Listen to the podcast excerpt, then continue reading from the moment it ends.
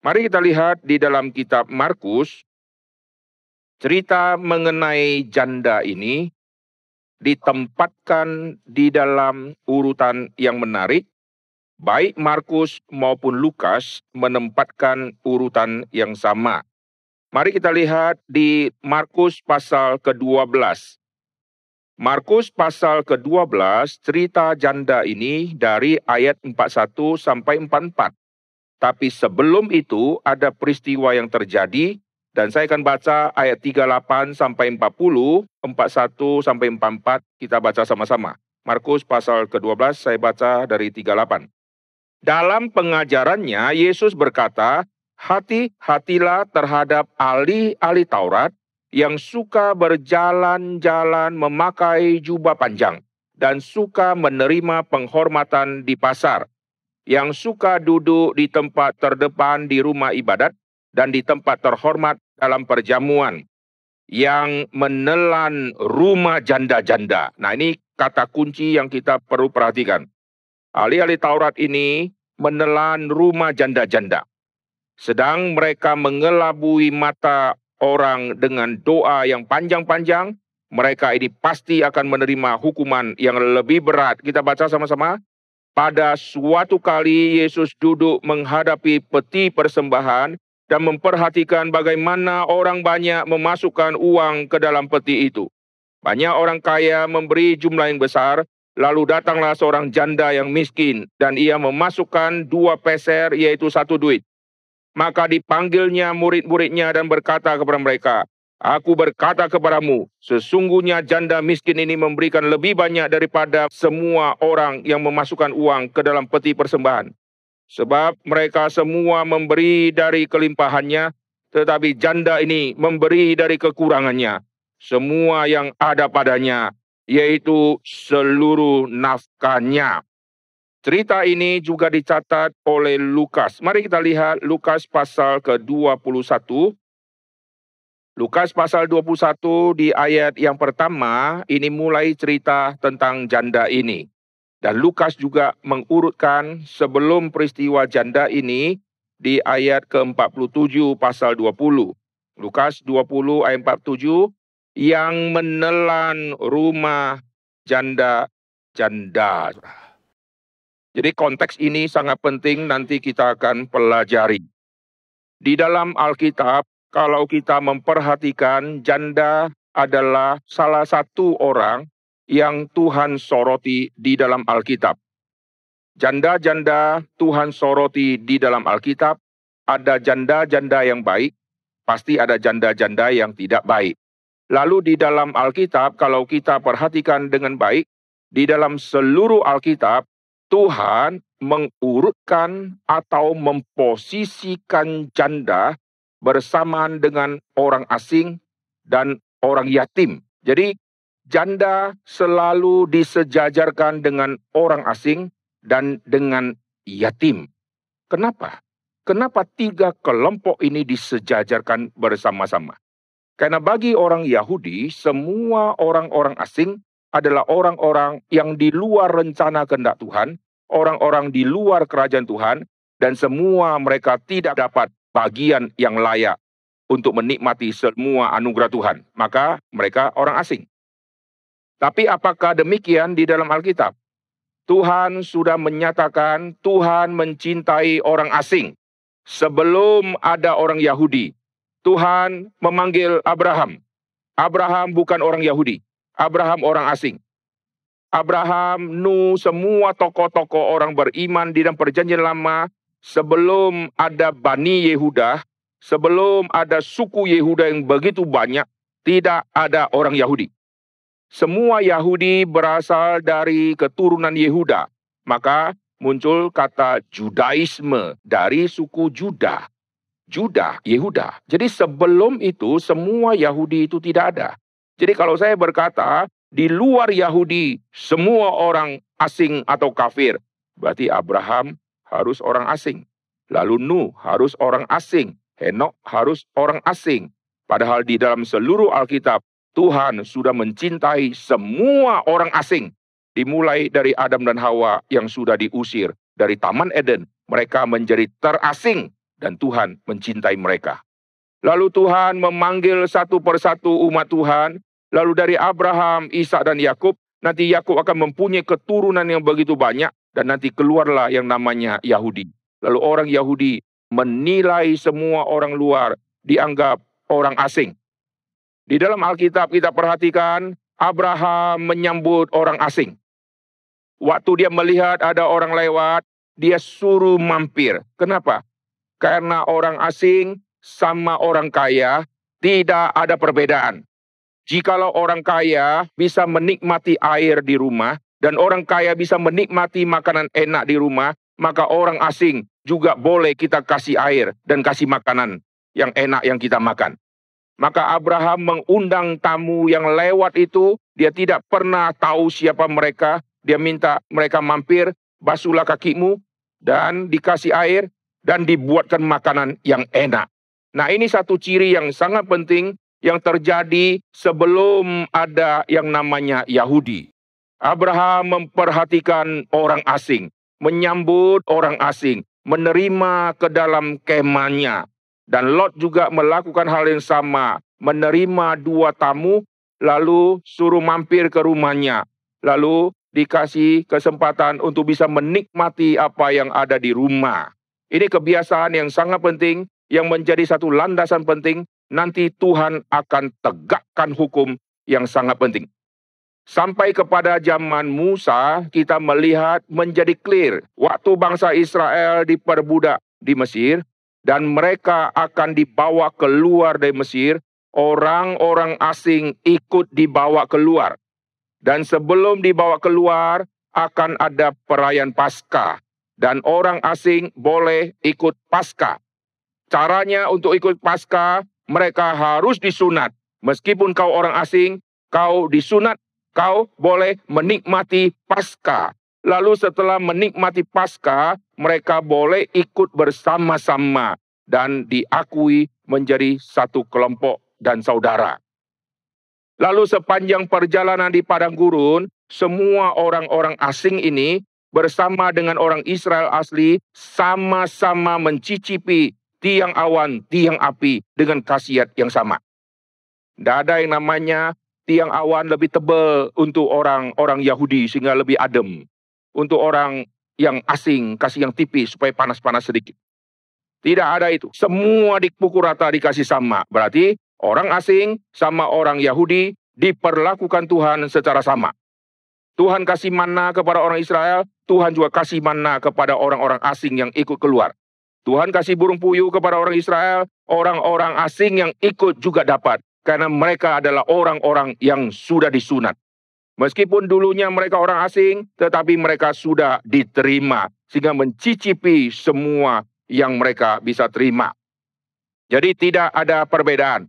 Nanti sampai kepada sepuluh hukum Tuhan turunkan. Tuhan memberikan semacam sebutan yang sangat penting pada hari sabat. Semua tuan-tuan sedang sabat dan hamba-hamba, budak-budak yang ada di rumahmu. Semua juga harus sabat. Jadi si tuan bisa nikmati istirahat, si budak juga nikmati istirahat. Lalu Alkitab melalui Musa nanti akan menuliskan semua perlakuan-perlakuan kepada tiga kelompok ini. Yaitu kelompok orang asing, lalu kelompok yatim, dan kelompok janda. Orang-orang asing sekarang mendapatkan hak istimewa. Lalu bagaimana dengan yatim? Kenapa yatim ini sangat penting? Bukan piatu. Yatim tidak punya ayah, piatu tidak punya ibu. Di dalam Alkitab, Tuhan memperhatikan orang-orang yang yatim, yaitu yang tidak punya ayah lagi. Karena ayah adalah kepala keluarga, sejak dari zaman kejadian, Tuhan perintahkan kepada Adam bahwa Adam yang sudah berdosa, dia akan mencari rezekimu seumur hidupmu dan engkau akan berpeluh. Maka laki-laki sejak dari zaman perjanjian lama, tugas mereka adalah mencari nafkah untuk kebutuhan hidup diam keluarga. Sedangkan tugas wanita, kau dengan sakit bersalin, ku buat sangat banyak. Tugas wanita dianggap hanya melahirkan anak. Itulah yang mempengaruhi seluruh kebudayaan Yahudi sehingga mereka kurang menghargai yang wanita. Wanita hanya urusan rumah tangga, yang laki-laki terus menjadi tulang punggung. Dan orang laki-laki dibesarkan harus nanti mencari nafkah sampai dia mati. Tidak ada pensiun.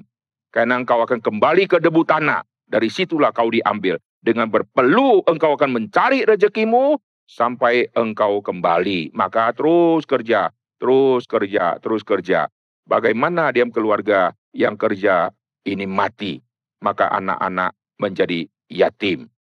Waktu si anak sudah menjadi yatim, lalu si anak dijaga oleh siapa? Tidak ada lagi tulang punggung di dalam keluarga. Nanti Tuhan menjaga anak yatim dengan cara yang ajaib.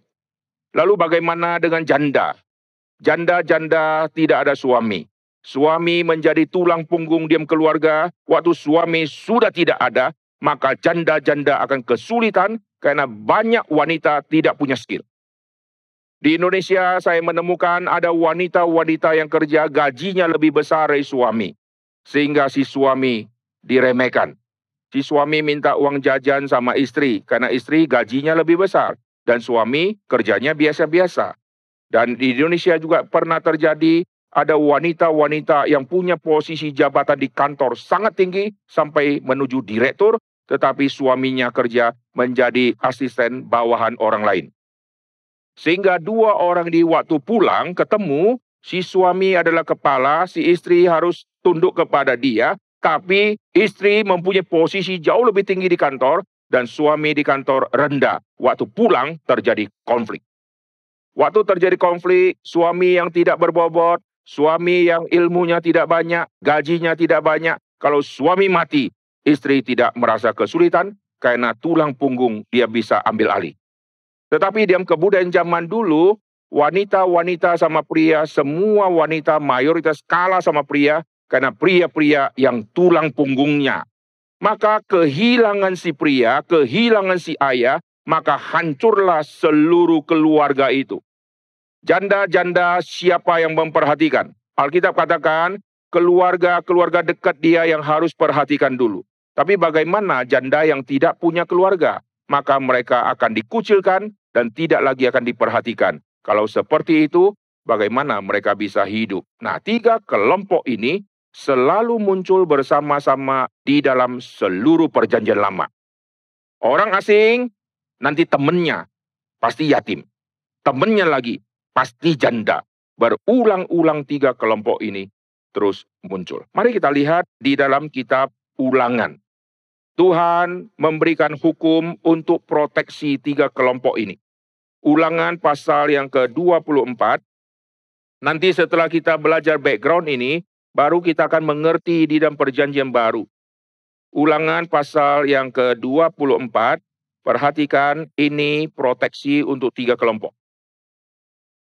Saya akan membaca dari ayat yang ke-17 ulangan 24 janganlah engkau memperkosa hak orang asing, anak yatim, lalu janda. Nah ini tiga kelompok muncul ya.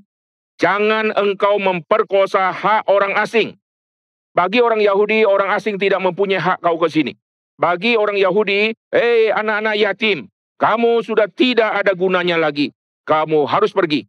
Kami tidak ada urusan sama engkau orang-orang miskin-miskin kayak begini, oh bagi orang Yahudi, ini bukan tugas kami. Tapi Tuhan proteksi. Mereka punya hak. Hak apa yang mereka miliki? Hak yang sama dengan orang normal. Wah ini menarik. Bukankah setiap orang mempunyai hak yang berbeda-beda? Ada orang bisa makan di restoran besar. Hanya orang tertentu yang mempunyai kemungkinan untuk yang lebih besar lagi untuk dia masuk ke restoran itu. Tapi banyak orang tidak mungkin masuk ke restoran besar. Bagaimana hak masuk restoran besar bisa untuk semua? Tidak mungkin itu. Lalu apa yang Tuhan mau nyatakan? Persamaan hak. Yaitu yang Tuhan bisa nikmati, maka yang hambakah, yang orang asingkah, semua juga harus bisa menikmati. Mari kita lihat di ayat 17 tadi. Memperkosa hak orang asing. Lalu janganlah engkau mengambil pakaian seorang janda menjadi gadai. Janda yang sudah susah, mungkin hutang banyak, tidak bisa bayar hutang, akhirnya baju pun diambil. Zaman dulu baju ini adalah harga diri. Jikalau baju yang bagus sudah diambil, sisa baju yang jelek, maka harga diri dia seperti baju yang dia pakai. Lalu kalau tidak ada cadangan baju, baju yang sudah kotor, bagaimana dia ganti? Dan ini adalah hak yang dia harus miliki, punya baju, sekarang hak dia sudah direbut dan baju sudah diambil. Tuhan bilang, jangan. Nah, lalu kita lihat di ayat yang ke-18. Haruslah kau ingat bahwa engkau pun dahulu budak di Mesir. Banyak orang sudah sukses, dia lupa zaman dia belum sukses. Kau sudah enak ya, kau sudah kaya ya, kau sudah nikmati semua ya, kau ingat kau ini dari budak. Bayangkan kalau kita semua adalah budak di Mesir. Kita melihat itu ada putri Firaun lagi jalan. Wow, bajunya bagus. Langsung kita kebayang toh, bolehkah saya pinjam satu hari untuk selfie? Tapi mana mungkin gua dapat. Wah lihat anting-anting emas bagus-bagus, kalung putri Firaun bagus-bagus.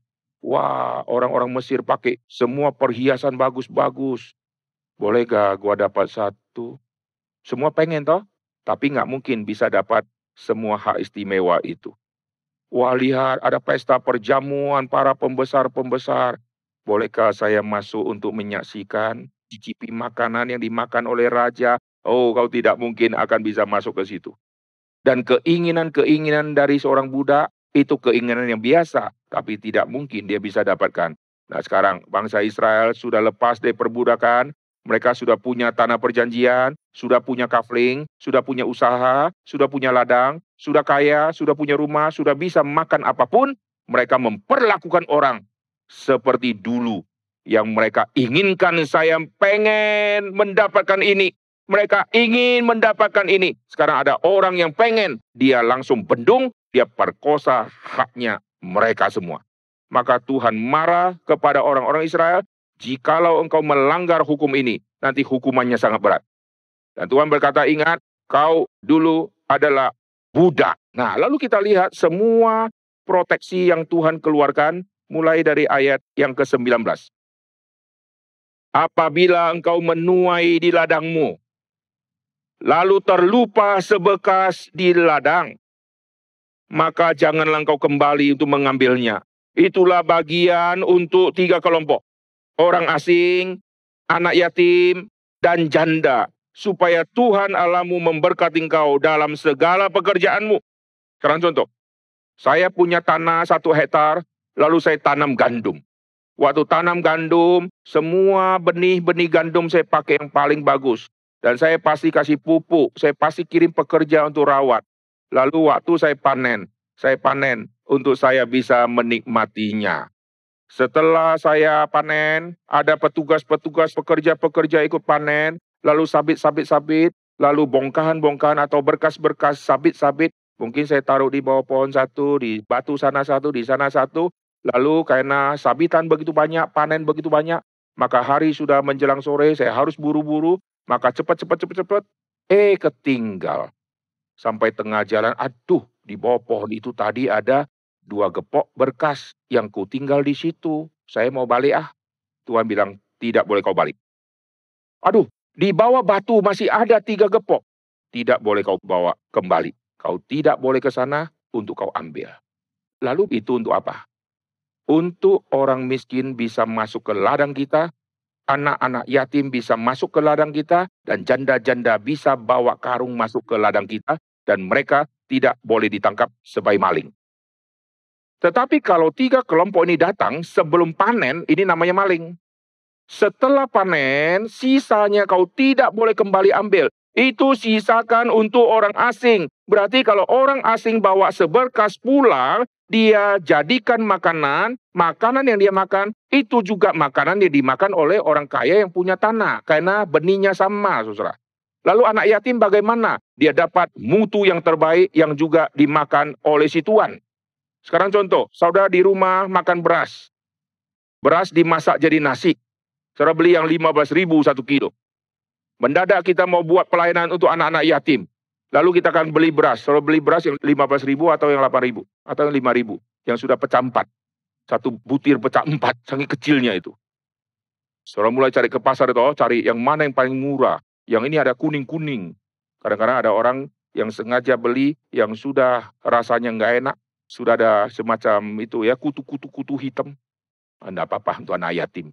Mereka sehat kok. Tapi untuk sendiri, wah saya pilih yang paling bagus, khasiat yang paling top dari impor. Tapi untuk orang-orang lain, sudah cari semua mutu-mutu yang paling jelek. Ini model orang Kristen zaman sekarang. Di dalam Alkitab dikatakan tidak. Kau punya sebekas ketinggal, tidak boleh kau kembali untuk ambil. Sisakan untuk orang-orang asing. Sehingga orang-orang asing waktu masuk, mereka masuk dengan surat rekomendasi dari Tuhan. Wah, kita kalau kakak regional masuk ke sekolah, rekomendasinya dari dinas pendidikan. Wah, guru-guru ketakutan.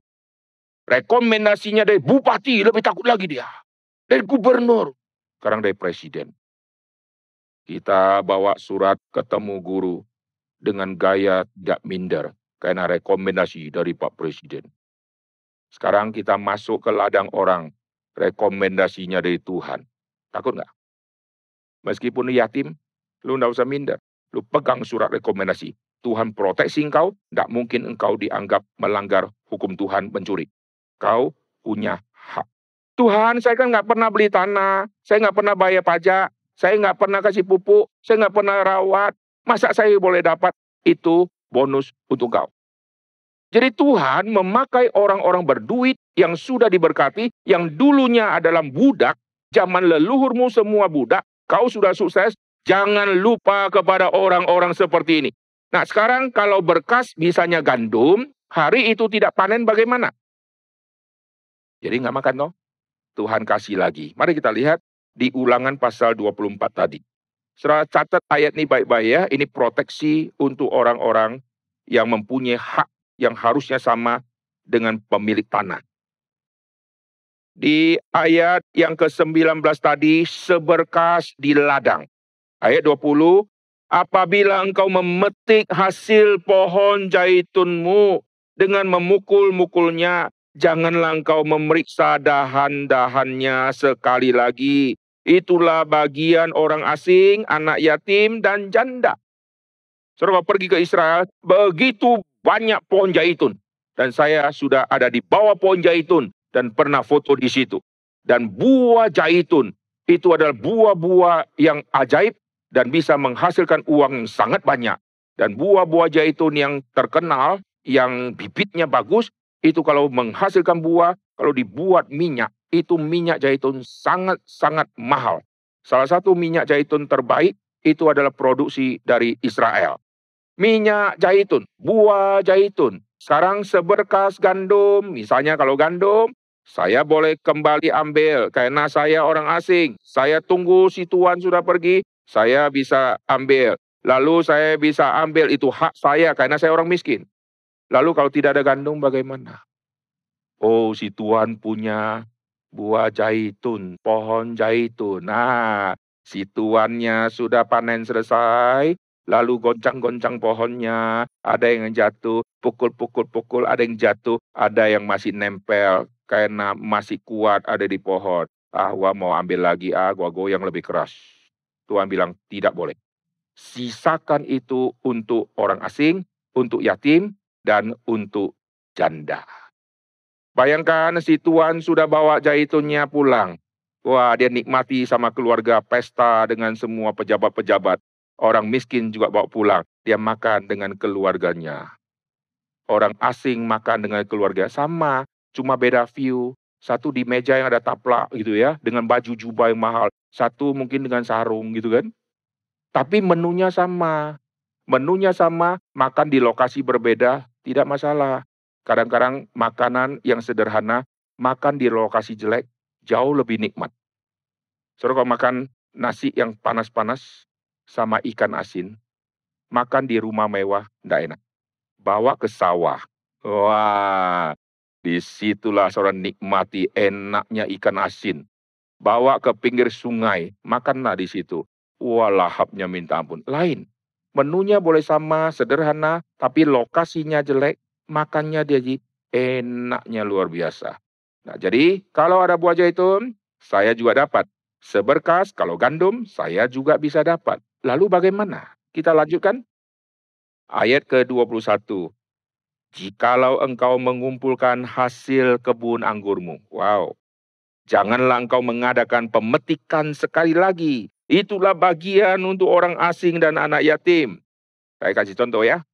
Saudara lihat buah anggur begitu banyak. Maka Langkah pertama yang saudara pilih, pasti pilih yang besar-besar. Kalau yang besar sudah warna merahnya sudah menarik, saudara ambil yang warna merah menarik yang besar. Kalau anggurnya warna hijau, saudara pilih yang besar, yang hijaunya menarik, saudara ambil dulu toh.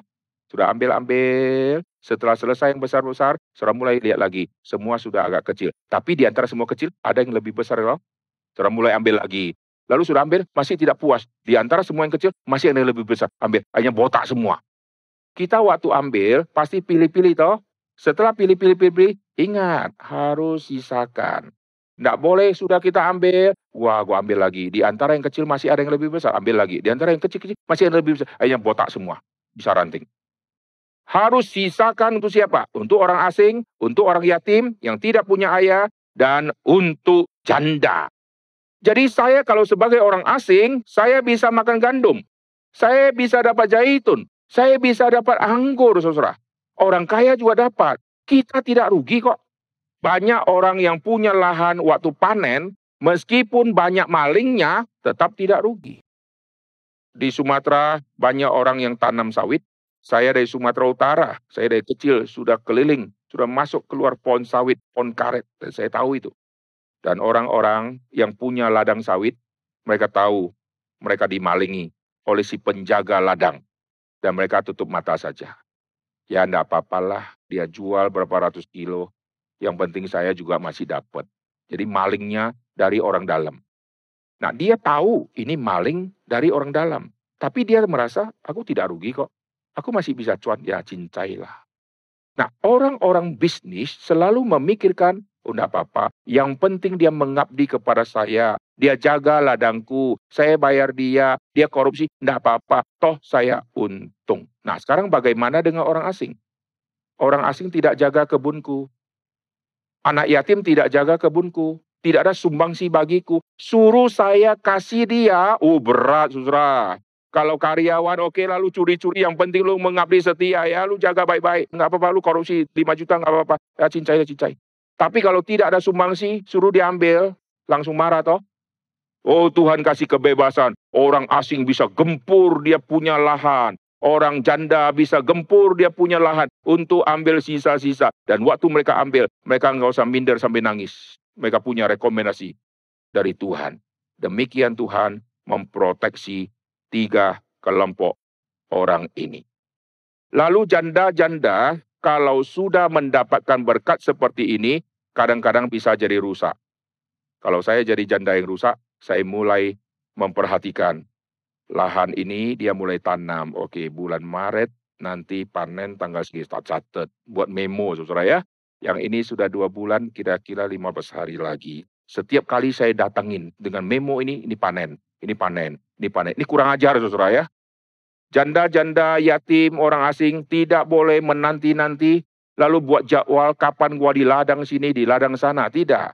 Kau dikasih hak istimewa supaya kau bisa bertahan hidup, untuk nanti kau bisa maju kembali, bukan untuk kau menjadi pengemis seumur hidup. Banyak janda-janda, banyak orang-orang susah, selalu menganggap dirinya susah, lalu ceritakan kepada orang lain supaya membangkitkan belas kasihan orang lain untuk menolong dia. Setelah dia ditolong satu kali, dia rasa enak ya dapat satu juta. Dia rasa enak ya dapat dua juta. Akhirnya menjadi pemulung tanda petik. Ketemu siapa pun, wah dia ceritakan semua kesulitan dia. Menampilkan semua yang kesannya dia orang miskin luar biasa. Supaya semua orang membantu dia. Dan akhirnya dia jadi rusak. Tuhan inginkan semua orang-orang yang tidak diperhatikan, sekarang diperhatikan. Bukan untuk nanti mereka menjadi rusak. Dulu kau budak, sekarang kau sudah tidak toh? Maka kau perhatikan nah orang-orang di bawah. Sekarang, kalau saya yatim, saya waktu kecil saya bisa ambil dari lahan orang. Sekarang saya sudah besar. Saya punya ladang yang banyak. Saya jangan membuat orang lain tidak bisa menikmati. Saya harus melakukan hal yang sama yang dulu saya terima berkat dari Tuhan melalui surat rekomendasi tadi. Sekarang saya juga harus kasih kepada orang lain. Ini yang benar. Hei, kau dulu budak. Sekarang, kenapa kau tidak mempunyai jiwa menolong semua orang-orang yang sedang susah? Mereka tidak ada makanan dan seterusnya. Lalu kita perhatikan di dalam Alkitab saudara lihat dari anak janda mempunyai sumbangsi besar untuk baik suci. Maka jangan menghina janda-janda. Oh kau miskin, anakmu tiga semua tak ada guna. Siapa yang sangka dari janda-janda yang miskin, muncul orang-orang yang kelak menjadi orang penting. Alkitab mencatat ada janda yang mempunyai anak dan anaknya bersumbangsi besar di dalam pembangunan rumah Tuhan. Mari kita lihat satu raja-raja di pasal yang ketujuh. Anak ini namanya Hiram. Anak ini anak seorang janda, saudara. Coba kita lihat ya. Satu raja-raja di pasal yang ketujuh. Saya akan baca ayat ke-13 Kemudian Raja Salomo menyuruh orang menjemput Hiram dari Tirus. Masih ingat? Tirus, Sidon. Itu daerah yang pinggir laut. Yesus ke Tirus, Yesus ke Sidon. Sekarang kita lihat Tirus. Ini ada di pinggir laut. Hiram dari Tirus. Hiram raja di Tirus. Ayat 14. Dia adalah anak seorang janda dari suku Naftali. Orang Yahudi suaminya dari non-Yahudi. Maka hilanglah keyahudiannya karena anak turun dari jalurnya papa. Maka kita lihat orang ini, Hiram ini disebut anak seorang janda dari suku Naftali, ayahnya orang kafir, orang tirus, tukang tembaga, ia penuh dengan keahlian dan seterusnya satu-satunya raja yang sangat bersumbangsi di dalam dua zaman kerajaan, yaitu zaman kerajaan Daud dan zaman kerajaan Salomo. Orang yang paling bersumbangsi itulah Hiram. Hiram memberikan persembahan yang sangat banyak di dalam zamannya Daud. Dan Hiram juga memberikan persembahan yang sangat banyak di dalam zamannya Salomo. Maka baik suci yang digembar-gembor, kemewahan dari orang Yahudi, kebanggaan tempat suci orang Yahudi, jangan kau lupa ini sumbangan banyak dari anak janda. Orang Yahudi beribadah di bait Allah, lalu mereka menelan rumah janda-janda, kurang ajar dia. Perabot-perabot di rumah Allah di dalam zaman Salomo, itu persembahan dari Raja Hiram. Dan hasil karya Raja Hiram dengan tim yang dia kerahkan untuk mensukseskan semua pembangunan rumah Tuhan. Setelah rumah Tuhan jadi, orang yang beribadah, menghina dan menindas dan menelan janda-janda. Ini namanya kurang ajar loh. Jangan menghina orang yang susah-susah. Anak-anak dari ayah dan ibu yang sederhana. Siapa yang sangka anak-anak ini waktu sudah besar, menjadi pejabat besar, mereka lah yang mendirikan tempat ibadah di mana cucu kita kelak akan beribadah. Tapi sebelum anak ini besar, kita menghina-hina dia. Maka dari dulu, saya punya jiwa kalau melihat orang susah. Wah, saya kayak kembali ke habitat, saudara. Saya lebih senang melihat semua orang di pinggiran daripada ketemu orang kota-kota di mall. Karena jiwa saya seperti itu. Karena banyak bijaksana bisa saya terima melihat semua orang-orang sulit di dalam pelosok. Makin dia susah, makin senang saya makin pengen saya tidur di rumahnya untuk menyaksikan bagaimana dia bertahan hidup. Dulu waktu saya SMA, saya suka berburu, dan saya suka mampir ke satu rumah, harap khotbah ini suatu saat dia bisa dengar ya, ini orang muslim. Dan rumah itu ada seorang bapak dan seorang ibu, sekarang pasti sudah mati. Dan dia punya dua anak. Ada satu yang agak besar, satu yang agak kecil. Dan dua anak ini selalu menemani saya. Dan saya perhatikan mereka hidupnya begitu sederhana, mereka petani dan mereka punya sawah. Dan saya tembak-tembak burung di sawahnya. Lalu saya amatin mereka ini tidak ada kulkas, nggak ada listrik. Lalu ada sapi tidur bersama dengan mereka. Jadi sapi itu di dalam rumah mereka. Dan mereka tidur bersama, bisa lihat dia sama sapi. Dan sapi sama dia tuh satu level gitu ya. Tidak ada sekat-sekat. Terus saya perhatikan, wah kasihan sekali ya. Orang-orang seperti makannya apa sih? Lalu saya amatin, dapurnya ndak ada. Pakai kayu bakar. Masa apa ini? Tapi bisa hidup. Ternyata dia makannya apa? Kacang kedelai. Jadi kacang-kacang kedelai itu digoreng-goreng kayak gongseng-gongseng kasih garam, makan sama nasi. Dan saya perhatikan gila, gimana caranya makan? Cuma kacang begitu sama nasi. Waduh makannya lahapnya minta ampun. Di situ saya mengerti, Tuhan kami semiskin-miskinnya tidak pernah cicipi kayak begini. Dan mereka yang miskin, inilah menu makanan mereka sehari-hari. Dan setelah saya lulus SMA sampai hari ini saya nggak pernah ketemu orang ini lagi. Nggak tahu dia sudah pindah ke mana, apakah masih hidup ataukah sudah mati. Tapi wajah mereka saya masih ingat. Dan saya sangat tersentuh melihat kesederhanaan mereka bisa bertahan hidup dan tidak protes. Malam tidak ada lampu, ya pakai minyak, lalu tidur, pagi ke sawah lagi seperti itu. Setiap hari rutinitas seperti itu. Nah ini orang-orang kampung. Maka saya senang melihat mereka gimana dapatkan air. Lalu stok beras mereka simpennya di mana. Lalu makanan kalau tidak habis mereka taruhnya di mana? Lalu bagaimana cara membuat si kebo ini atau sapi ini akhirnya punya anak? Lalu caranya gimana? Makannya berapa banyak? Tak pelajari semua. Lalu lalat-lalat di sapinya, di kebonya itu banyaknya luar biasa. Dan mereka bisa tidur bersama. Untuk bisa hindarkan semua lalat, mereka nyalakan itu asap-asap, itu bakar asap-asap. Dan sambil tidur sampai cium bau asap. Saya kalau ke sana pulang langsung keramas karena bau asap luar biasa. Kalau tidak pakai itu akan banyak nyamuk dan tidak ada kelambu. Dan mereka bisa hidup besarkan anak-anak. Janda melahirkan seorang anak yang kita lihat sederhana. Oh siapa tahu suatu saat menjadi penyumbang besar untuk bait Allah. Mungkin dari papanya Hiram adalah orang penting.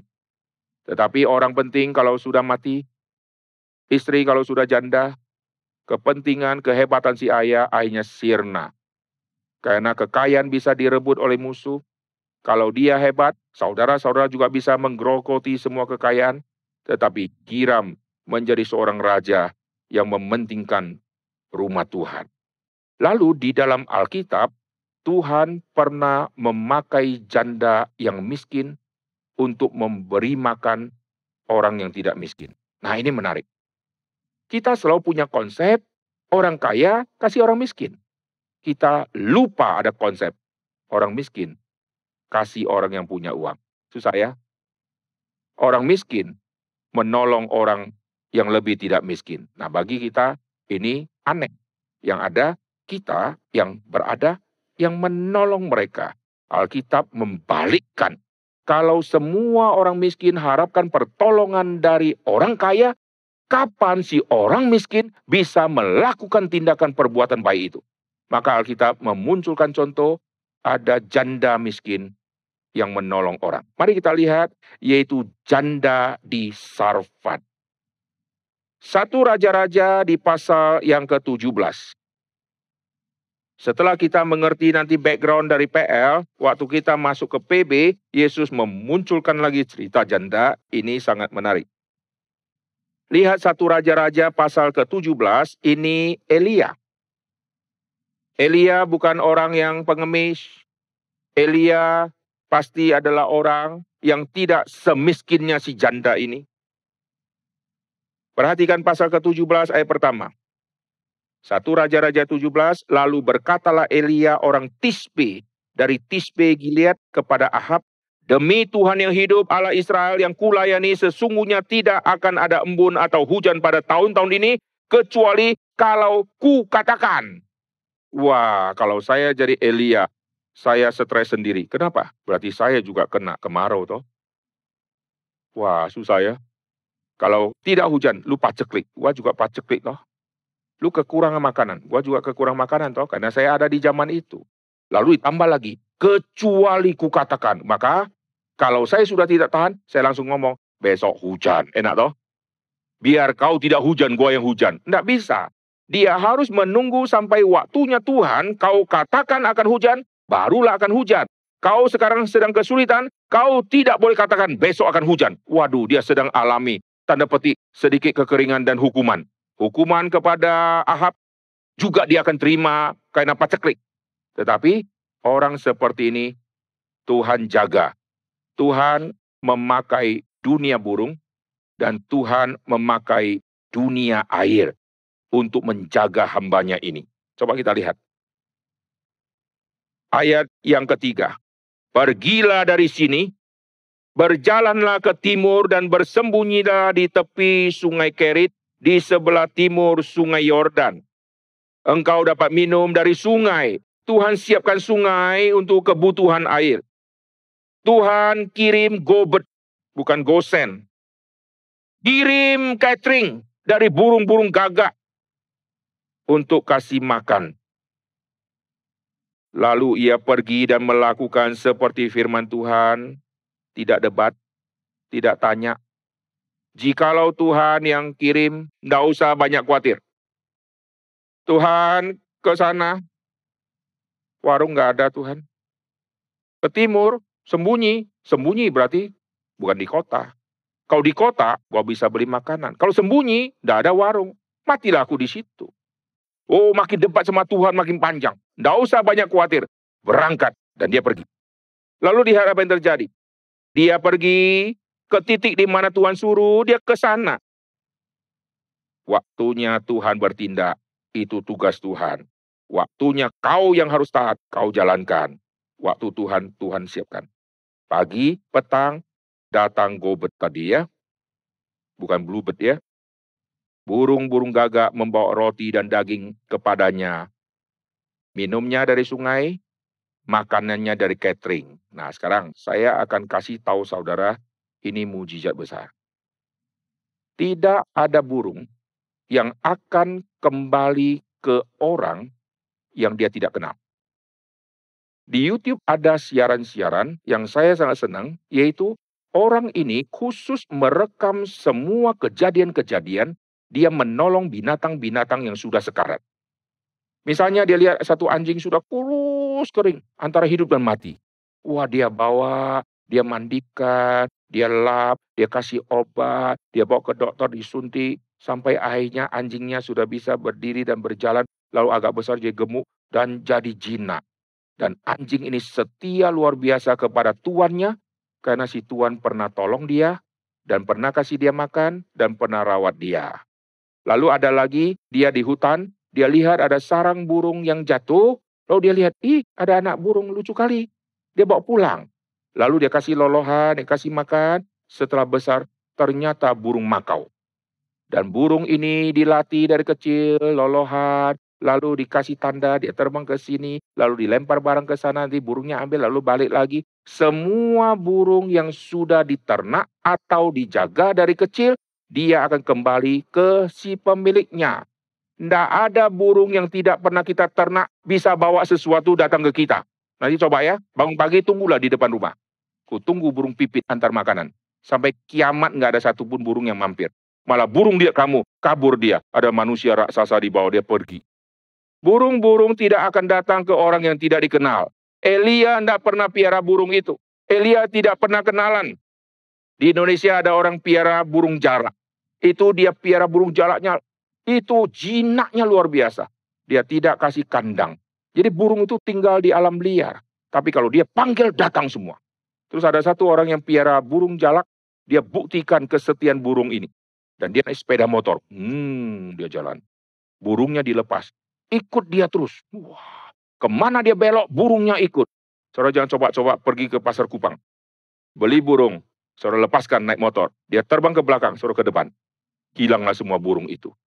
Tidak ada burung bego-bego mau ikut kita, kecuali kita pelatihnya, kita yang pernah besarkan dia. Sekarang Elia, kau pergi ke sana, burung kasih makan, tunggu sampai kiamat, tidak ada satu burung pun yang datang. Dan burung itu bisa bawa makanan. Coba kita lihat ya, satu Raja-Raja pasal ke-17. Bawanya roti, bawanya daging. Wah kalau saya jadi burung, kuat telan duluan. Gua juga lapar, karena paceklik loh. Paceklik lagi perlu makanan, si burung bisa tahan makanan dengan perut lapar tidak telan. Wah, ini penyangkalan diri. Penyangkalan dirinya luar biasa. Ada di mulut tapi nggak boleh telan. Karena ini bukan porsi dia untuk di Elia hamba Tuhan itu. Dan Tuhan jaga dengan seperti ini. Tapi ada kadaluarsanya. Air akan habis. Burung akan di stop Tuhan. Dan Tuhan pakai cara kedua. Tuhan uji si Elia. Maka setiap kali kalau kita sudah di zona aman, catering sudah diantar, burung datang sendiri, gua nggak usah kerja ada makanan, air tinggal ambil. Setelah di zona aman, Tuhan akan pindahkan kita untuk menyaksikan mujizat yang baru. Hei, air sudah kering ya, makanan sudah dinada ya. Sekarang ku utus engkau pergi ke tempat yang lebih jauh. Sungai Yordan ke Sidon. Nah, menarik. Mari kita lihat. Pasal yang ke-17 ayat yang ke-7. Tetapi sesudah beberapa waktu sungai itu menjadi kering sebab hujan tiada turun di negeri itu. Maka datanglah firman Tuhan kepada Elia, bersiaplah pergilah ke Sarfat yang termasuk wilayah Sidon. Diamlah di sana, ketahuilah aku telah memerintah seorang janda untuk memberi engkau makan. Aduh, janda. Kalau burung oke lah. Janda, janda hidup sendiri aja sudah susah. Kalau burung oke lah. Temboloknya, perutnya kecil. Dia puasa oke lah. Tapi kalau janda, piara saya. Uh, dari sungai Yordan, pergi ke Sidon, jauh Tuhan. Sudah lemes Tuhan sudah berapa hari kurang makan buah gitu ya. Ke WC pun sudah susah, suruh jalan. Elia pasti jalan kaki itu. Saudara kalau lihat peta, sungai Yordan naik ke atas itu Tirus, naik atas lagi Sidon. Suruh ke Sidon, sampai sana kirim ambulans. Kolaps dia di tengah jalan. Tapi heran, dia tak loh. Mestinya dia ngomongin, Tuhan, janda. Bolehkah saya minta foto depan rumahnya? Foto wajahnya, banyak janda, wah salah janda, bahaya nanti. Lalu kasih tahu dong lokasinya di mana. Beloknya berapa simpang. Kalau orang sudah ragu, apa pun bisa jadi alasan. Dan heran, Elia taat. Pergi dia. Coba kita lihat ya. Bersiaplah pergilah ke Sarfat, ayat ke-9. Aku telah memerintahkan seorang janda untuk memberi engkau makan. Sepuluh, sesudah itu ia bersiap. Lalu pergi. Tidak ada komentar, Tuhan kaki sudah mulai pegel, kemarin kena duri, jalan masih susah. Ini ada panas Tuhan, agak meriang tadi malam Tuhan. Sebuah alasan semua muncul. Tapi dia tidak loh, dia pergi. Waktu dia sampai ke pintu gerbang kota, dia melihat seorang janda. Jadi Tuhan yang pertemukan. Tidak usah minta GPS, nanti Tuhan kirim. Lalu ketemu janda ini sedang mengumpulkan kayu api. Dan dia langsung ngomong, Cobalah ambil bagiku sedikit air dalam kendi supaya aku minum. Ini kurang ajar ya. Ini hamba Tuhan yang tidak tahu diri, saudara ya. Kita sebagai hamba Tuhan, kalau lihat ada wanita susah ambil kayu, ya minimal kita bantu dong gitu kan. Ai, ai, gua bantu, ai, angkat-angkat gitu kan. Ini bukannya bantu, malah minta air. Keterlaluan, coba lihat. Coba ambil bagiku sedikit air dalam kendi itu. Supaya aku minum. Tahu nggak? Paceklik air mahal. Lu kalau minta kendi gua kasih. Minta air? Oh enggak. Air itu mahal karena lagi kesulitan. Dan Tirus Sidon itu ada di pinggir laut. Mereka jauh dari sungai. Sungai Yordan saja sudah kering. Apalagi sumur-sumur di daerah pantai-pantai situ semua butuh air. Tapi Elia mintanya air. Dan heran, Wanita ini kasih. Wih, saya kagum. Orang-orang miskin harus belajar dari janda ini. Oh, dia kasih. Coba kita lihat. Ketika perempuan itu pergi untuk mengambil kasih dia. Enggak banyak teori. Lalu Elia nyambung. Cobalah ambil bagiku sepotong roti. Kalau saya jadi janda, gua lempar dia dengan kendi gitu ya. Kurang ajar. Akad kayu juga tidak minta air, minta roti. Lu mau minta apa lagi? Mau minta rumahku, sertifikat gitu. Wah, cobalah ambil juga bagiku sepotong roti. Nah, lihat kalimat perempuan ini. Demi Tuhan Alamu yang hidup. Berarti dia mengetahui orang ini adalah dari mana. Karena baju orang Yahudi itu ada ciri khasnya. Dan dari gaya bicara ada gaya khasnya. Tetapi waktu lihat si Elia, bajunya bukan gaya orang Yahudi. Tapi kalau baju bukan gaya orang Yahudi, kan dia pakai bulu dan ikat pinggang toh. Bajunya bukan gaya orang Yahudi, tapi muka tidak bisa tipu. Saudara kalau orang Korea pakai batik. Orang pasti tahu lah Korea. Nggak mungkin dibilang orang Jawa. Dari matanya, mukanya, apa dari nada dia ngomong ha gitu ya misalnya langsung ketahuan. Atau orang Muang Thai gitu ya. Dari cara dia ngomong kita langsung tebak. Meskipun mukanya kita samar-samar. Ini orang Filipina kah atau orang apakah di Thailand kah. Kita samar-samar. Tapi dari nada yang kita tahu ini orang asing. Dan wanita ini mengetahui, oh ini pasti orang Ibrani. Lalu dia berkata gini, Demi Tuhan alamu yang hidup, sesungguhnya tidak ada roti padaku sedikit pun kecuali. Nah kalimat ini saya senang. Banyak orang-orang yang sedang susah, selalu menganggap dirinya tidak punya apa-apa. Saya ini sudah tidak ada, sudah tidak ada, sudah habis. Omong kosong. Saya tidak pernah percaya orang berkata aku sudah tidak ada. Wanita ini berkata, aku tidak punya roti. Kecuali, berarti ada. Banyak orang berkata, aku sudah tidak ada duit loh. Oke, nggak ada duit ya. Di kantongmu nggak ada. Tapi rumahmu kan masih ada TV, kulkas. Itu kan semua duit toh. Dulu di Malang, kalau ada seminar, datanglah mahasiswa-mahasiswa dengan muka meminta belas kasihan. Pak, kami mahasiswa Pak, kalau seminar boleh enggak ada potongan. Kalau bisa free Pak, kami nggak ada duit. Handphonenya lebih mahal dari handphone kita, saudara ya. Dan dia datang pakai sepeda motor, berarti perlu beli bensin. Dan dia mahasiswa. Lalu saya ngomong sederhana, kalau kau tidak punya duit, kau tidak mungkin selesaikan SD-mu. Nah, kaget dia. Kenapa, Pak? Karena ada duit, maka kau bisa masuk SMP. Kan beli buku pelajaran toh, bayar uang sekolah kan? Karena ada duit, kau bisa SMA. SMA ke kuliah uang pangkalnya berapa? Lu ada duit toh? Kenapa lu ada duit tapi lu bilang tidak ada duit? Kau ada. Maka saya tidak pernah percaya orang bilang saya tidak ada. Kalau tidak ada, rumah masih ada toh? Coba buka kulkas, masih ada stok makanan toh? Coba buka handbag, coklat-coklat masih ada di handbag-handbag wanita toh? Oh masih banyak, disembunyikan di banyak tempat saudara. Saya tidak percaya orang betul-betul tidak ada. Dan janda yang sudah sangat miskin ini dia bilang, aku tidak punya kecuali. Nah, itulah satu-satunya yang tersisa. Maka dia memenuhi syarat untuk berkata, aku tidak ada. Karena sudah satu-satunya. Kalau kita masih ada dua ratusannya masih tersimpan. Rekening digitnya masih banyak, saudara ya. Lalu harta dia tersimpan di mana-mana lalu dia tampang miskin-miskin supaya menantikan belas kasihan. Mari kita lihat satu Raja-Raja pasal 17 tadi. Demi Tuhan Alamu yang hidup sesungguhnya tidak ada roti padaku sedikit pun kecuali segenggam tepung dalam tempayan. Sedikit minyak, ini betul-betul sedikit karena dia hanya butuh tiga kayu. Kalau dia bawa segerobak kayu, wah lu pesta.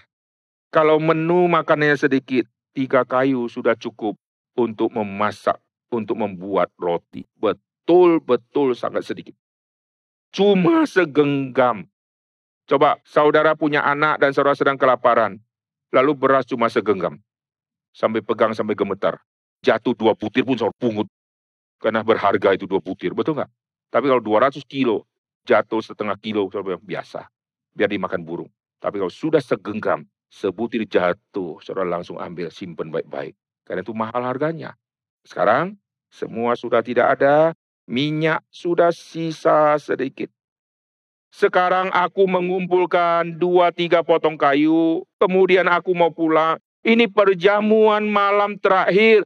Oh puji Tuhan kalau Elia tunda, matilah si janda ini. Setiap kali pelayanan tidak boleh tunda. Begitu tunda, mati si janda. Coba Elia berkata, Tuhan sebentar. Saya renungkan dulu dan doakan dulu. Minggu depan dia pergi, janda itu sudah game. Tapi Tuhan tidak izinkan janda itu game. Maka Tuhan kasih kekuatan Elia untuk cepat. Dan janda itu harus keluar dari rumah dan ketemu di pintu gerbang. Jikalau kelas sedikit waktunya, jamnya, janda sudah lewat, Elia baru datang, ketemu janda lain. Alkitab jadi lain. Ketemu janda orang lain nanti. Oh semua cara Tuhan. Ini adalah malam perpisahan setelah makan kami akan mati. Lalu apa yang terjadi? Oh sudah begitu susah. Elia mestinya empati dong. Tapi Elia tidak. Coba kita lihat ya. Kemudian aku mau pulang mengolahnya bagiku, bagi anakku. Setelah kami makan, kami akan mati. Wah kalau pendeta sudah dengar, hati langsung hancur. Malu tadi saya beli minta air. Ma, ma, ma. Kalau begitu sudah nggak usah, saya tahan aja untuk kamu saja. Tapi Elia lain. Jangan takut, pulanglah. Memang gua mau pulang, nggak usah suruh. Buatlah seperti yang kau katakan, memang. Tapi buat untuk aku dulu, wah kurang ajar. Langsung lempar kepala si Elia dengan kayu tadi. Kurang ajar nih orang asing keterlaluan. Tidak tahu diri gitu kan. Kau pulang ya, Mau buat ya, buat-buat. Tapi untuk aku dulu ya. Nah, setelah jadi untuk aku, lu baru pulang buat lagi. Untuk nanti kamu dan anakmu. Wah, ini namanya kurang ajar sekali ya. Coba kita perhatikan. Sebab beginilah firman Tuhan Allah Israel. Tepung dalam tempayanmu tidak akan habis. Minyak dalam buli-buli itu pun tidak akan berkurang sampai waktu Tuhan memberi hujan ke atas muka bumi. Saudara kalau jadi janda ini, kira-kira saudara ngakak-ngakak sampai mau lempar batu atau tidak? Di mana ada sejarah minyak Anda habis-habis? Justru minyakku sedikit, dulunya pasti banyak. Semua yang pernah dipakai akhirnya berkurang dan akan habis. Tidak ada teori sudah pakai malah tambah banyak. Dari mana teori ini? Wah janda ini waktu sudah dengar, dia percaya. Maka kehadiran janda Sarfat mewakili seluruh PL. Nanti kehadiran janda yang memberikan persembahan yang Yesus angkat mewakili seluruh PB. Jadi PL janda Sarfat, PB janda yang memberikan persembahan. Dua janda ini Tuhan izinkan muncul di dalam Alkitab. Jangan anggap remeh sama janda. Janda PL, itulah guru rohani kita. Siapa yang imannya melampaui janda ini? Kasih tahu saya. Saudara hamba Tuhan kah? Saudara majelis kah? Pengusaha kah? Orang yang rajin kah? Saudara dipermalukan oleh iman janda ini. Miskin? Sangat miskin. Tidak punya apa-apa? Sangat tidak punya apa-apa. Tapi dari yang tidak punya apa-apa, masih mau jadi berkat. Minta air, ku kasih air. Minta makan, ku siapkan. Luar biasa. Mari kita lihat ya. Ayat 15, setelah dengar, nggak usah debat-debat. Ah, itu firman Tuhan belum pernah dibuktikan. Saya pengen bukti dulu, baru saya percaya. Setelah dia dengar kalimat itu, dia pergi. Lalu dia berbuat. Wah, didik orang kadang sampai setengah mati nggak tobat-tobat. Ini janda ini cuma ngomong satu patah kata selesai. Enak ya. Kalau semua jemaat kayak begini, enak sekali jadi hamba Tuhan. Lalu pergilah, lalu dia lakukan apa yang dikatakan Elia perempuan itu dan dia dan seterusnya semua dapat makan. Lalu tepung dalam tempayan itu tidak habis, minyak dalam buli-buli dan seterusnya semua terjadi. Sekarang happy ending. Semua nyaman ini sudah selesai.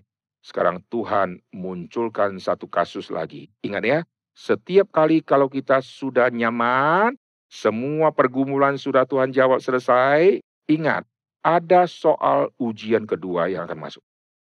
Barang siapa yang sudah selesai satu soal ujian, tidak pernah siapkan tuh ujian kedua, saudara bukan orang Kristen. Setelah hal makanan lu lulus, sekarang jiwa anakmu mati.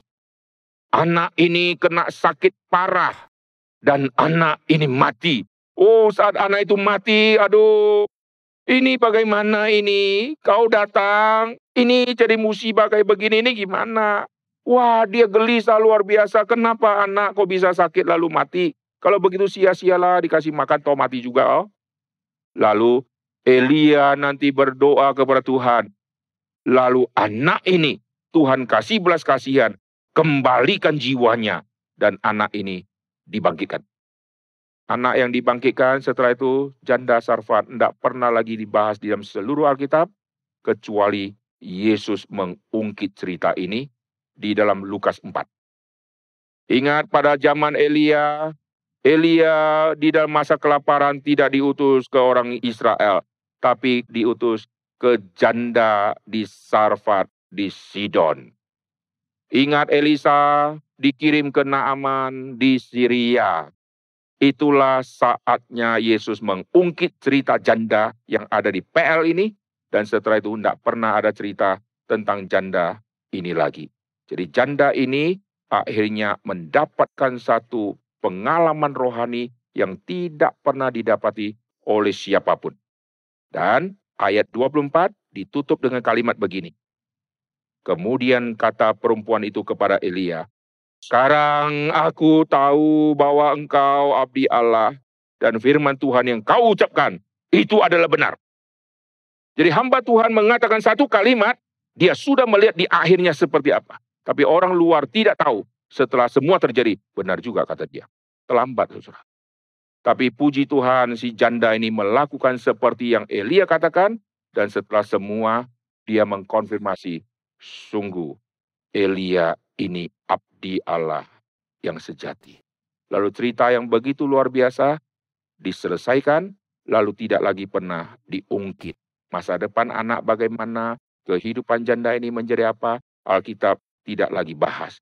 Lalu sampai kepada perjanjian baru, Yesus sekarang memperhadapkan satu adegan yang sangat menarik yang bukan disekenariokan, tetapi yang betul-betul terjadi. Mari kita lihat di Markus. Markus pasal yang ke-12 tadi, ini bukan disekenariokan. Markus pasal yang ke-12, perhatikan cerita tentang bagian ini dari ayat ke-41. Pada suatu kali Yesus duduk menghadapi peti persembahan dan memperhatikan bagaimana orang banyak memasukkan uang ke dalam peti. Banyak orang kaya memberi jumlah besar. Lalu datanglah seorang janda yang miskin memasukkan dua peser, yaitu satu duit, dua peser. Yesus memandang satu pemandangan yang sangat indah, lalu murid-murid ada di situ. Yesus tidak menolong janda itu. Kenapa Yesus tidak bersimpati dan empati menolong janda itu? Kenapa Yesus tidak berkata kepada janda itu, pulanglah, centong nasi yang pernah kau pakai sudah jadi batang emas. Orang yang kasih persembahan, dia kasih dua peser, mestinya pulang kantongnya ada seratus kali lipat menjadi dua ratus peser. Dia kasih dua peser, dia pulang nol peser. Orang karismati tidak berani khotbahkan ayat ini. Paling-paling dia khotbahkan. Kau beri kepada Tuhan, Tuhan pasti terima. Kasih semua. Dia langsung ambil kalimat, kasih semua. Tapi dia tidak melihat janda yang sudah kasih semua tadi, sudah kasih dua peser, dia pulang tidak bawa dua ratus peser. Dan Yesus tidak menjanjikan, ku berikan kau berlipat-lipat dan kau kaya. Tidak. Yesus sapa pun tidak. Apakah Yesus tidak bersimpati? Nah ini menarik ya. Yesus waktu membawa murid, ada orang yang buta sejak lahir. Murid-murid diskusi. Hmm, ini dosa siapa? Dosa orang tuanya atau dosa dirinya? Yesus bilang bukan. Karena ada pekerjaan Allah mau dinyatakan. Lalu tema Siloam. Saya sudah berkali-kali sebut ini. Eh orang buta, setelah dioleskan dengan liur dan tanah tempel, kau basuh dirimu di Siloam. Siloam artinya yang diutus. Artinya apa? Ini kolam Siloam disebut artinya yang diutus. Karena ada maksud Tuhan. Karena si buta sedang diutus. Dan dia diutus oleh Kristus, dia taat. Dan di samping Yesus ada rasul-rasul. Rasul artinya yang diutus. Kau yang diutus, orang buta ini yang diutus, Siloam artinya yang diutus. Yang orang buta ini taat untuk pergi ke Siloam. Kau rasul artinya diutus. Kenapa kau tidak mendampingi orang buta ini? Karena matanya belum bisa melihat. Kau tenteng dia menuju ke kolom Siloam. Itu artinya kau diutus. Tapi kenapa kau diam? Karena hari itu adalah hari sabat. Mereka tidak mau menajiskan hari sabat. Tapi orang buta ini taat Yesus daripada taat sabat. Jadi murid-murid semua gagal. Orang buta ini pergi sendiri. Dan maka nanti orang buta ini akan diinterogasi karena dia melanggar hari sabat. Semua murid tidak ada hati. Sekarang, Yesus melakukan tindakan seperti murid yang diskusi masalah orang. Apakah ini fair? Lihat ada janda itu, ya itu di peti itu. Lihat, lihat, lihat, lihat, lihat. Dia memasukkan uang sedikit, yang itu banyak. Lalu didiskusikan, saudara. Kenapa peristiwa itu sangat penting? Ingat, janda Sarfat mewakili PR. Janda yang memberikan persembahan ini mewakili PB dan dua janda ini memberikan dengan iman dan sepenuh hati. Janda yang miskin ini, lihat di Markus pasal yang ke-12. Dia datang ke situ bukan karena dia kelebihan uang. Rumah janda-janda sudah kena telan. Masih ingat ayat sebelumnya? Background dituliskan dulu janda-janda sudah dikorupsi. Rumah janda-janda sudah ditelan. Dan uang yang ada pada dia adalah dua peser. Saya catat istilah dia bahasa aslinya. Dua peser lepta. Satu tunggal lepton. Itu adalah mata uang yang dipakai oleh orang Yahudi, koin nilai yang paling kecil. Kita di Indonesia sekarang, koin dengan angka yang paling kecil, angka berapa? 100 ya. Sekarang kita ada 100 ya. Nanti parkir ke satu tempat beli makan, kasih tukang parkir cepet coba. Dia lempar ke kepala kita. Lalu kasih orang-orang yang sudah menolong kita kasih polisi lalu lintas yang polisi cepet itu. Kasih dia cepet coba. Sengaja saya tunjukin. Cepet bang, kasih. dia ketok saudara, ya banting pintu saudara cepet aja dia selfie lagi. Udah kecil masih bangga lagi kita ya.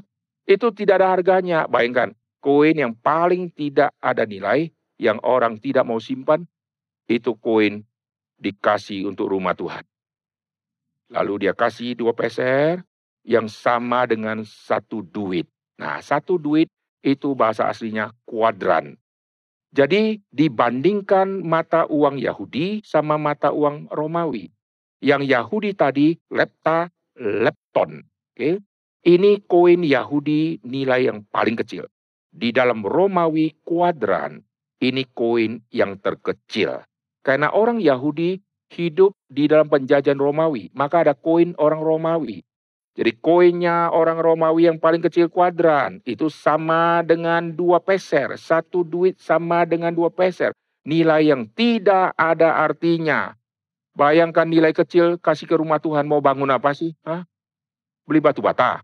Tidak bisa saudara. Hanya untuk mainan anak kecil di sekolah minggu nanti itu gelinding-gelinding. Tidak ada guna itu. Tetapi Yesus memuji si janda ini. Coba kita lihat. Ayat 43, Yesus panggil murid-murid.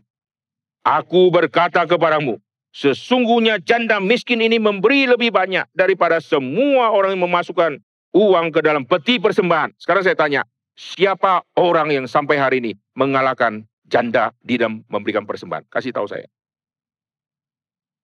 Yesus tidak pernah suruh murid-muridnya membesuk janda ini. Janda ini perlu dibesuk.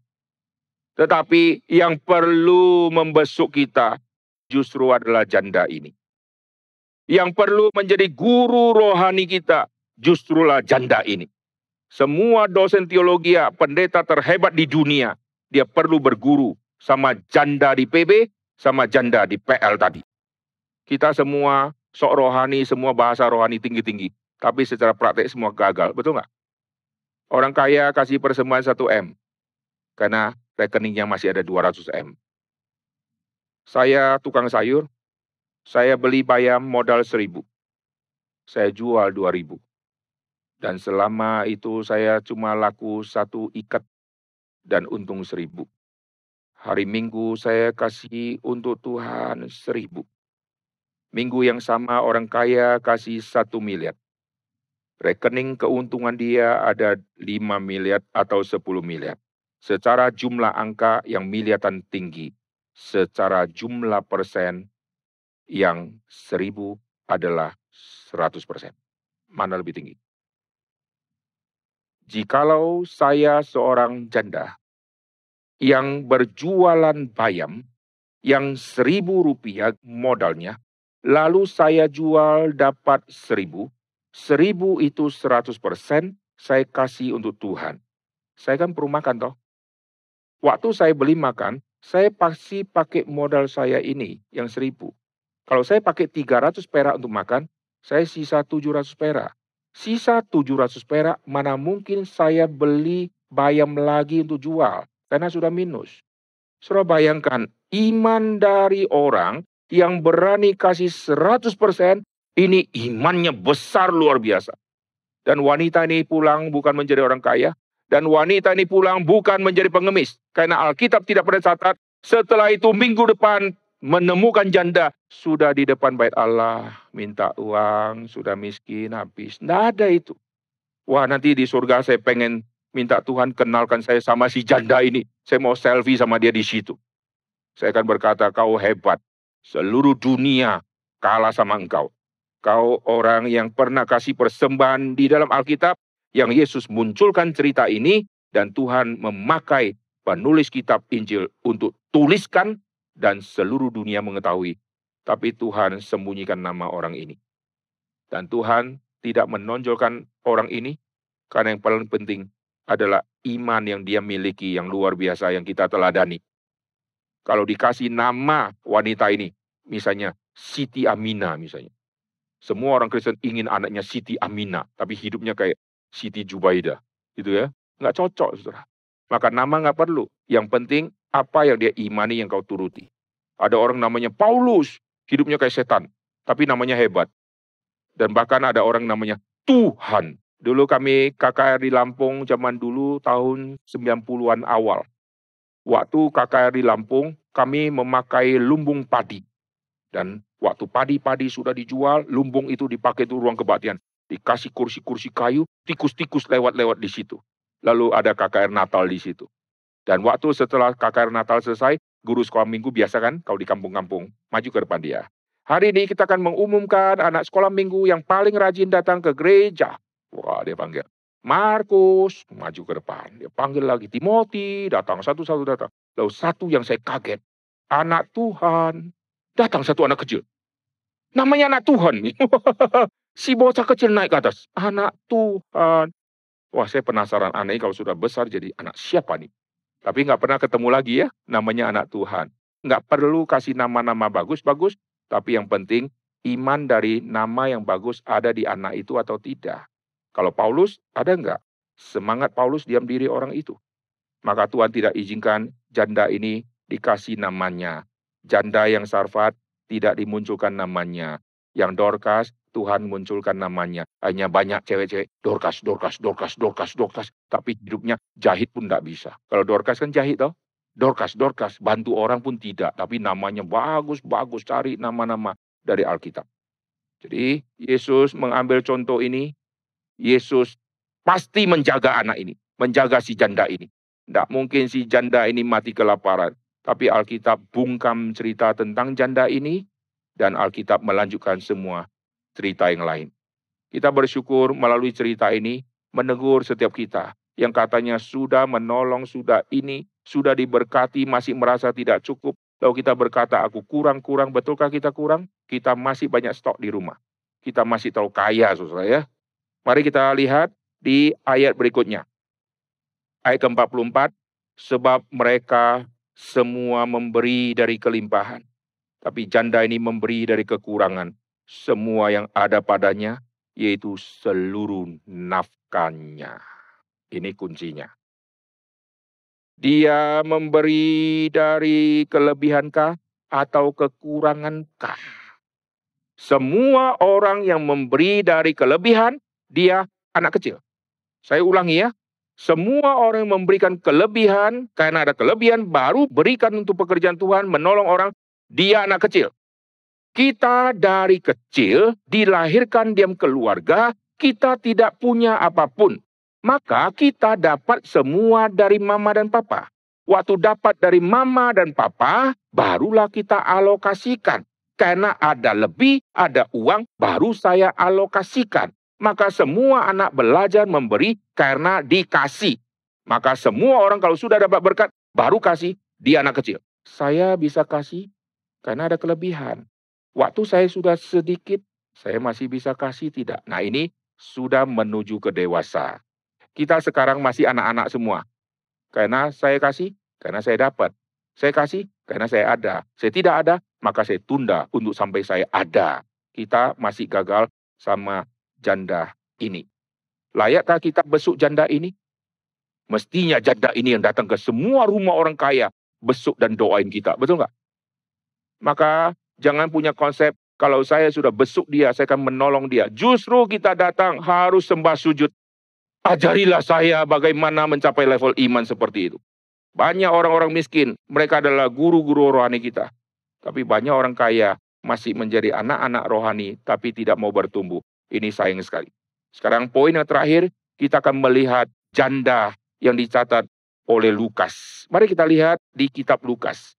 Lukas pasal kedua mencatat janda.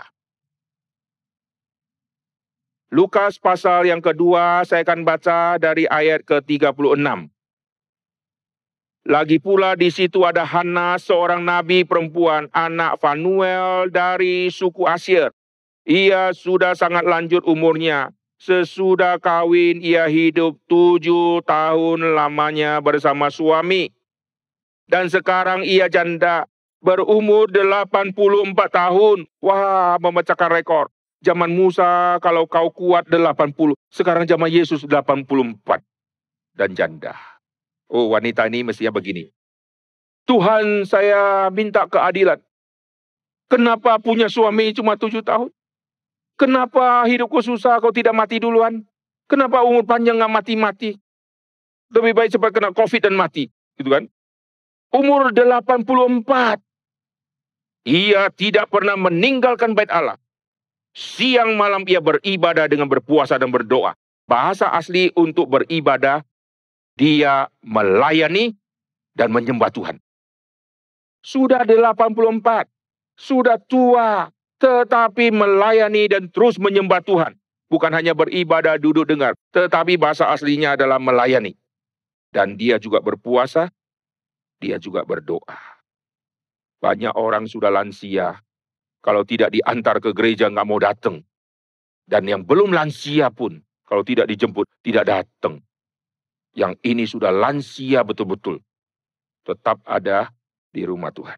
Lalu perhatikan, dan pada ketika itu juga datanglah ia ke situ mengucap syukur kepada Allah dan berbicara tentang anak itu. Perjumpaan dia dengan Kristus yang masih kecil, dia mengatakan satu kalimat nubuatan yang terjadi. Kepada semua orang menantikan kelepasan untuk Yerusalem Orang ini, anak ini, inilah orangnya.